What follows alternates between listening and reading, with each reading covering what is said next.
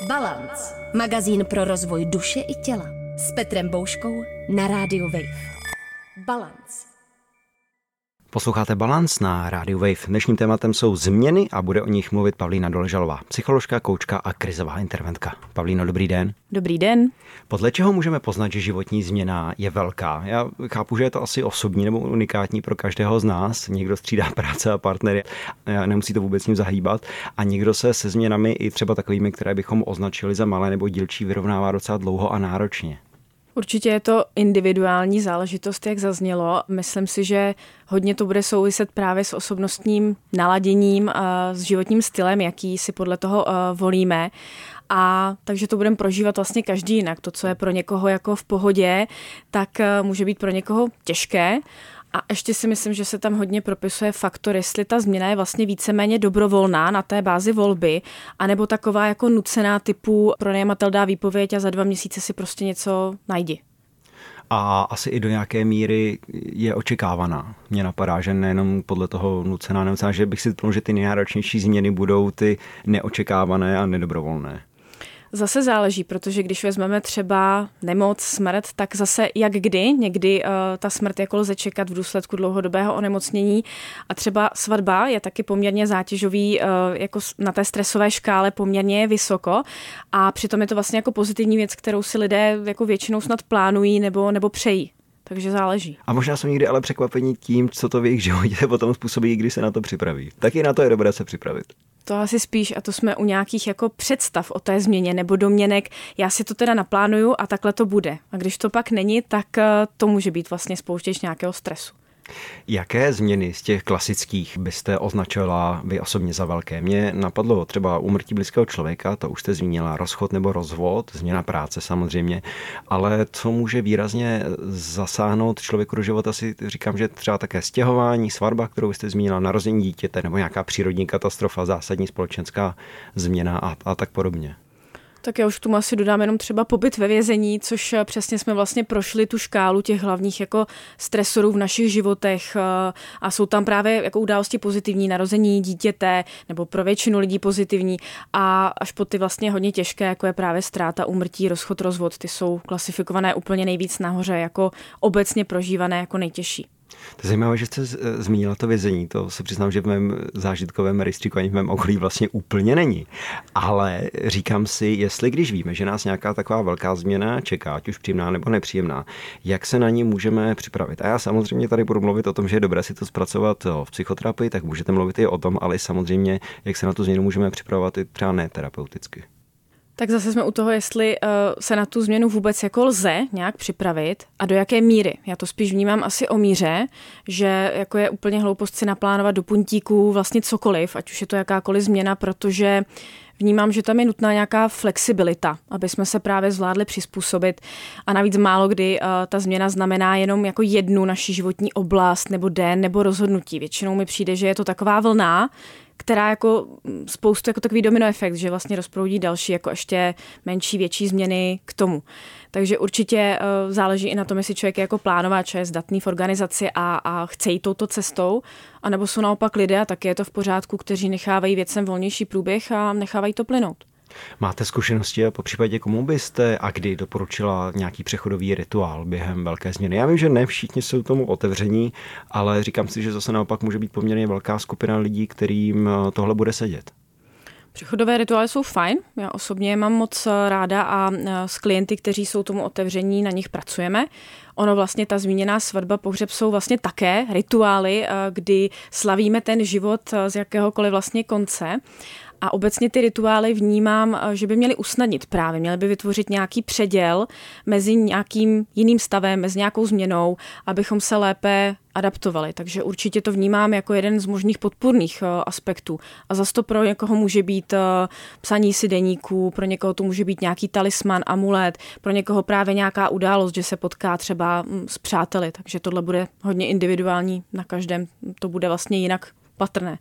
Já si tady na tom místě dovolím přihrát svoji balancí polivčičku, protože my jsme se přechodovým rituálům v pořadu věnovali, tak všechny posluchače a posluchačky, které to více zajímá, tak odkážu do archivu pořadu. Ale napadá mě k tomu ještě, jestli je možné dělat si třeba i nějaké osobní rituály, protože na jednu stranu můžeme jet třeba na holotropní dýchání nebo na nějaký, řekněme, pohanský svátek, slavit cokoliv, co je člověku blízké, ale i na té osobní úrovni vlastně to nějakým způsobem může fungovat, může nám to prospívat. Určitě mým každodenním rituálem, nehledě na to, jestli je pondělí, neděle, den blbec nebo den v pohodě, tak je cvičení mindfulness, tedy všímavosti eh, od pěti minut do třiceti podle toho, jaký mám zrovna časový plán ale takové jako osobní kotvy, které nám pomáhají jak s psychickým, tak fyzickým stavem, uzemněním, ať už se zrovna něco děje eh, jako kritického, nebo jsme v pohodě, tak vnímám jako z dlouhodobého hlediska jako velmi prospěšné a důležité. Všímám si a přijde mi to moc zajímavé, že když se nám v životě stane nějaká velká změna, ať už teda stane nebo ji sami vyvoláme, že často prostoupí i do různých oblastí života, kde bychom to třeba nečekali. A abych dal příklad, tak mě napadá, že třeba po rozchodu nebo po rozvodu lidé mají tendenci měnit svůj zevnějšek. A změní se jim i okruh přátel, tráví víc času s lidmi, mění vlasy, účesy, přichází tetování, tak je to někdy taková touha tu změnu vnitřní vyjádřit i navenek a spolu proměnit změnit tím vlastně svůj celý svět. Může být. Tady zase záleží na tom, jestli ta eh, změna a podpoření to nějak eh, vlastně převést to do toho vnější, do té vnější komunikace těm ostatním je opravdu moje. Jestli teda po tom eh, rozchodu si chci ty vlasy ostříhat, změnit, obarvit a jsem takhle spokojenější a opravdu mi to tu hlavu pomůže vyčistit v podstatě teda vnějškově i vnitřně, a nebo jestli to dělám, protože se to tak má, protože to někdo doporučuje, že se to dělá, že to s tím přece souvisí. Takže tady určitě doporučuji tou zase autentickou cestou vlastně podle sebe. Já jsem četl, že tam je v tom několik faktorů. Jednak tedy vyjádřit ty vnitřní změny na venek, ale pak je tam i oblast nějaké kontroly, že když se člověku děje velká změna, tak právě kontrola je to, co máme často pocit, že ztrácíme. A tím, že třeba, a ono to může znít banálně, ale nemusí být, že tím, že se že si prostě obarvíme vlasy, ostříháme a změníme šatník, tak je to něco, co najednou můžeme mít pod kontrolou a může to být nějaká kotva v tom období určitě pro takové jako šidítko toho uh, mozku nebo jak si snížit nějakou úroveň stresu, i když záleží. Uh, zažila jsem i lidi, kteří si nechali obarvit hlavu a dopadlo to strašně. Byl to pro ně další vlastně jako průšvih.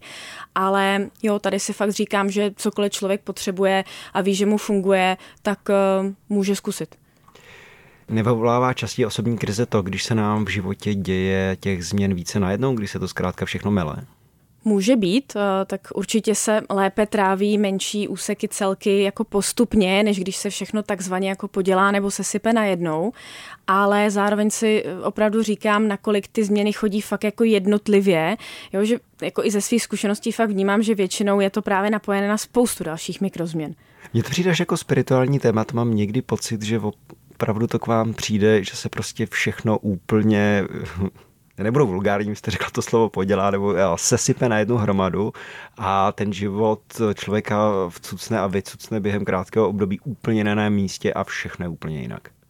Tady se mi líbí moto nebo heslo, teď přesně si nevybavím eh, přímý zdroj, ale že někdy se musí všechno zbořit a sesypat, abychom mohli postavit něco jiného, lepšího nebo funkčnějšího, tak to se mi k těm změnám velmi líbí. V téhle situaci si myslím, že je možná snaží vypozorovat ty základy, to pevné v nás, to, co zůstane, na čem můžeme dál stavět a to, co byla nefunkční a tím pádem je slabší struktura. Tady asi zase z mého pohledu záleží na postoji toho člověka k té změně a k tomu, co se děje po ní, a jak on zvládá se tomu přizpůsobit, jestli má podporu, pomoc, jestli tomu rozumí. Tam je vlastně důležitý ten faktor, jestli těm změnám jako rozumíme. A když jsme se ještě bavili o té kontrole, že to vlastně nemáme ve svých rukách, tak si myslím, že to k těm změnám prostě patří. Jo? Že to vlastně je něco velmi přirozeného, co jde s tím, že zdaleka ne všechno, jestli vůbec něco není vlastně v té naší moci. Mně se k tomu chce doplnit nejenom, jestli těma změnám změnám rozumíme, ale to, jestli je dokážeme přijímat.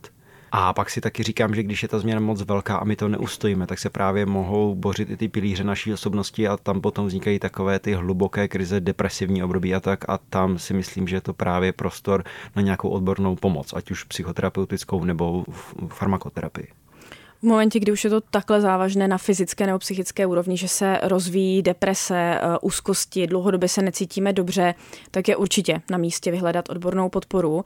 A zároveň tam mě ještě zaujalo to selhání, nebo že ten člověk nezvládne tu změnu, tak taky mi často chodí klienti s tímto pocitem, ale když to probíráme více, tak dojdeme k tomu, že oni to vlastně zvládli, jenom místama se cítili hůře nebo jinak a to je vlastně vyděsilo. Ale samozřejmě jsou i objektivní dopady právě třeba rozvoj depresí, kde už není radno vlastně v tom nějak se trvávat a, a být na to sám. Co můžeme vypozorovat z toho, jakým způsobem v životě velké změny děláme? Zda třeba náhle nebo naopak dlouho váháme před změnou, jestli jsou ty změny pro nás spíš revoluční nebo evoluční, jestli děláme jednu po druhé nebo na jednou. To si myslím, že je taky jeden z těch vzorců, který je asi užitečné v životě o sobě znát a potom tomu ten život nějakým způsobem přizpůsobit, integrovat to. Přesně tak a tohle vlastně zase mě vrací do té roviny osobnosti každého eh, z nás a toho našeho nastavení. Extravert, introvert budou to mít vlastně jinak, ale tam mi přijde důležité říct, že jako není špatně, když někdo eh, ty změny snáší o něco hůře, někdo je s tím jako víc OK ale přijde mi, že jsem asi nepotkala člověka, který by neměl aspoň trošku strach, pochyby nebo obavy, že tohle máme všichni nějak společné, protože ta změna, byť je velmi přirozená v tom životě, tak je to nějaký krok do neznáma, nějaká nejistota.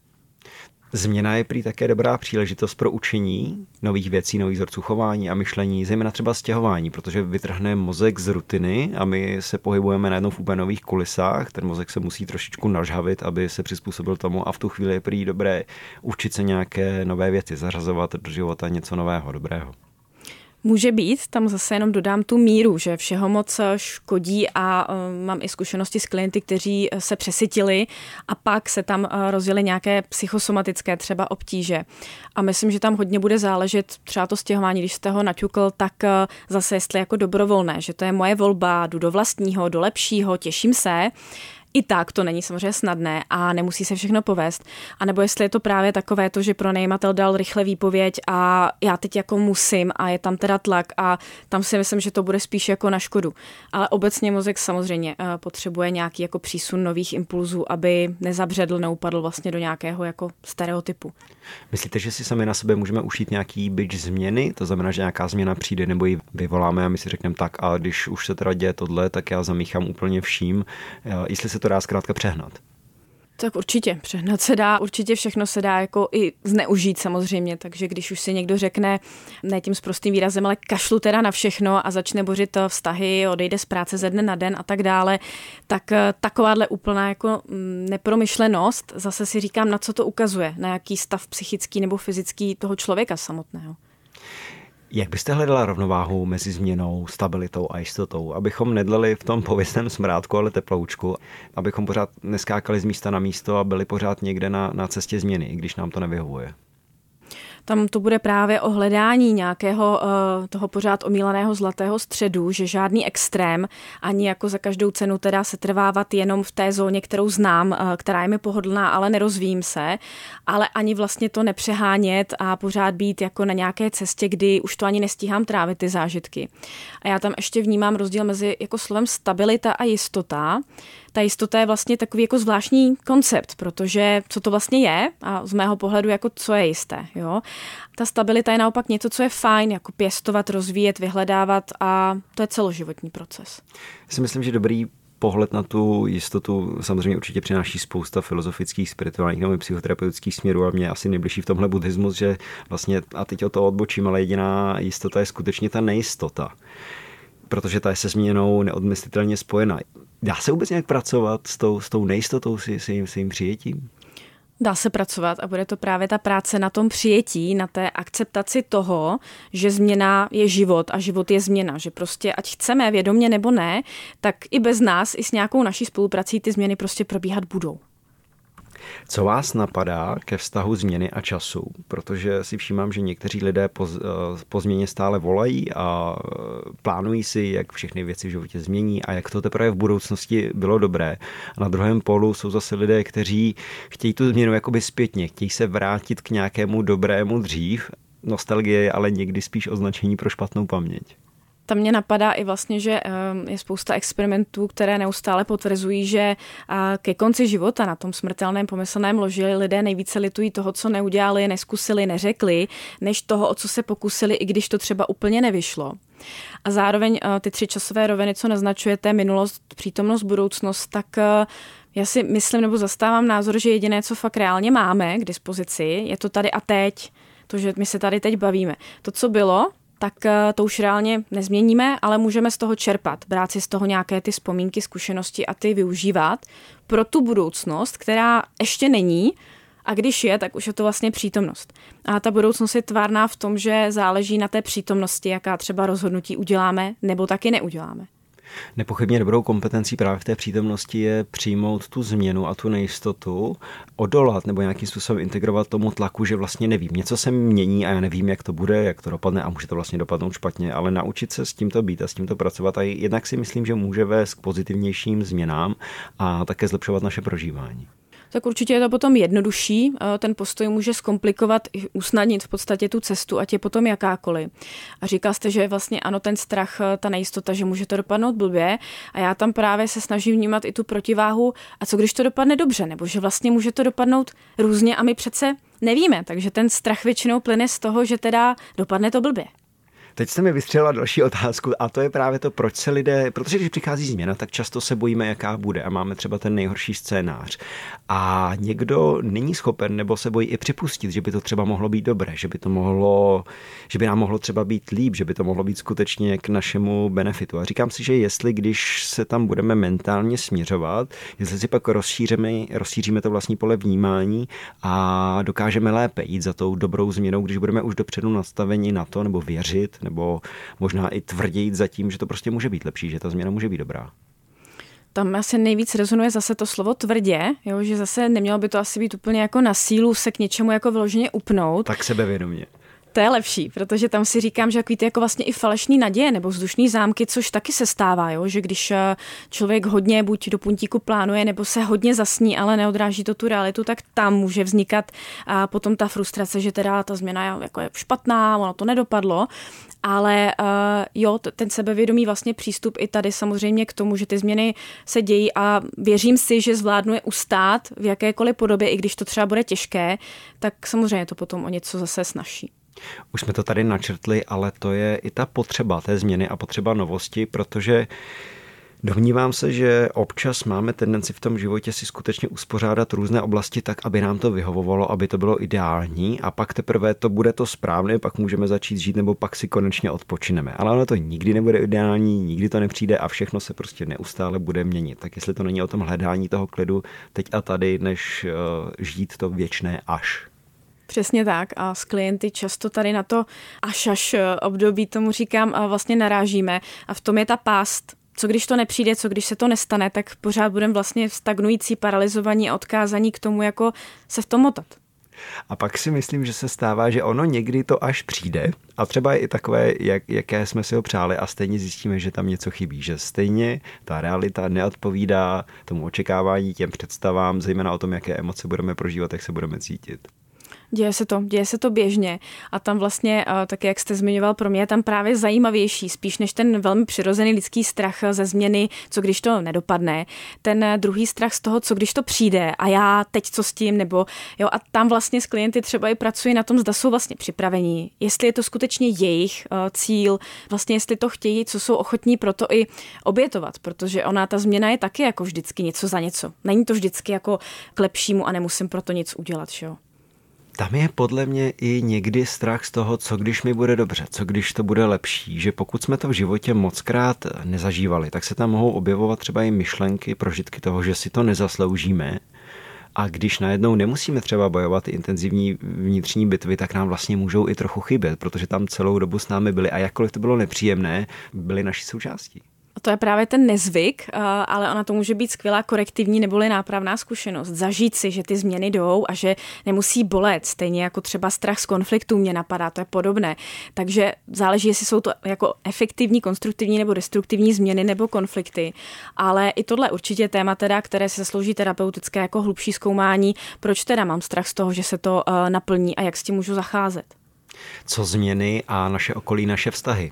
Také z mého pozorování vystoupilo někdy, že když se měníme, děláme změny, které chceme, které nám svědčí, tak někdy jakoby nás lidé kolem nás, a často to jsou blízké vztahy i rodinné vztahy, tak nás tlačí zpátky. Oni nás tam vlastně nechtějí. Oni nás chtějí mít takové, jaké nás znají, často v nějakých submisivních závislých pozicích a nelíbí si jim to. Vlastně nedokáží s námi oslavit tu změnu a to, že jsme spokojenější, než jsme byli.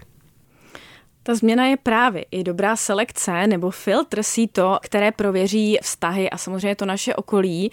A to jsou právě ty nezamýšlené a priori jako, takový jako dovětek těch primárních změn, že můžeme opravdu přijít e, o nějaké kamarády nebo blízké a ten vítr, ten průvan prostě zasáhne a trošku pročistí, zamíchá i těmi našimi vztahy. A zase, pokud se toho křičovitě budeme bát a teda radši e, zůstaneme tam, kde jsme, tak si nemyslím, že to je úplně správné a zdravé, naopak.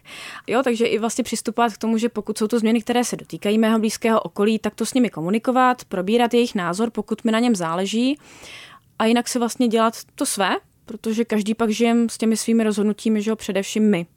Zůstaňme ještě chviličku u změny a vztahů. Eh, předpokládám, že ten základní vzorec a to myšlení, postoj ke změnám, tak to je právě to, co si odneseme eh, z rodiny a i třeba taky s tím třeba pracovat. To, jaký byl postoj ke změnám v rodině, to, jak jsme se naučili, tak to si s největší pravděpodobností poneseme do života a dá se to měnit. Určitě, stejně jako vnímání vztahů, právě těch konfliktů. Ale fajn je na tom, že to je většinou fakt naučené, odkoukané na základě modelů rodinného a těch rodičů, těch vzorů, ale lze to teda předělat. Není to krátká cesta, rychlá a nevždy příjemná, ale je to pravda, že když někdo vyrůstal v rodině, kde změny se nenosily, dokonce to byly změny jenom k horšímu neustále, tak pak právě ta potřeba korektivní zkušenosti, jo, jestli ta změna může být i k dobrému, je určitě velmi potřebná abychom opět skončili nějakou pozitivní douškou, tak mohla byste sdílet eh, třeba anonymizovaný příběh z vaší terapeutovny nebo tak eh, řekněme širší zkušenost vašich klientů, jak nakonec ty změny dopadnou a jak často třeba dopadají dobře? Na první dobro mě napadá klientka, která uh, právě procházela těžkým rozvodem po hodně dlouhodobém uh, vztahu v manželství a to samo o sobě bylo velmi stresující a na základě toho se právě rozhodla se ještě úplně přestěhovat, úplně do jiného města, do jiného kraje. Bylo to její rozhodnutí, velmi se ho bála, ale v podstatě bylo to velmi moudré rozhodnutí, jak se později ukázalo. Tam je vlastně i ten faktor času, že někdy opravdu, a dokud neskusíme, tak stejně nevíme. A jí to právě strašně pomohlo změnit přátelské vztahy, změnila práci a usazovalo se to tedy velmi postupně, to tam jako potřebuji dodat, ale nyní je opravdu spokojená a nelituje těch eh, změn, které nebyly ale snadné. O tom lidé poměrně často mluví, že přišla třeba nějaká velká náročná změna do jejich života, často neočekávaně a děsivě, nevyvolaně. A oni jsou nakonec potom za to období, byť bylo sebe náročnější a sáhli si na dno, tak jsou za to strašně šťastní, protože to byl takový takový převozník na, na místo, kde je jim opravdu dobře. A to mi právě napadá, že ta změna je i šance nebo příležitost, má vlastně potenciál a je na nás, jak s tím budeme zacházet. A určitě je teda na místě mít eh, samozřejmě podporu, ať už blízkých lidí, přátel, anebo i uh, psychologů, terapeutů, tedy nějakou odbornou, ale hodí se u těch změn. A co se dneska v magazínu Balance eh, rozhodně měnit nebude, tak to je, že po nějaké době je čas ukončit natáčení, rozloučit a vypnout se. Takže Pavlíno, já vám děkuji za vaše dnešní odpovědi. Bavili jsme se o změnách s Pavlínou Doležalovou, psycholožkou, koučkou a krizovou interventkou. Děkuji, ať se vám daří. Naschledanou. Díky, naschledanou. Balance. Překonejte limity vlastní hlavy. Balance. Přihlaste se k odběru podcastu na wave.cz lomeno podcasty a poslouchejte Balance kdykoliv a kdekoliv. I offline.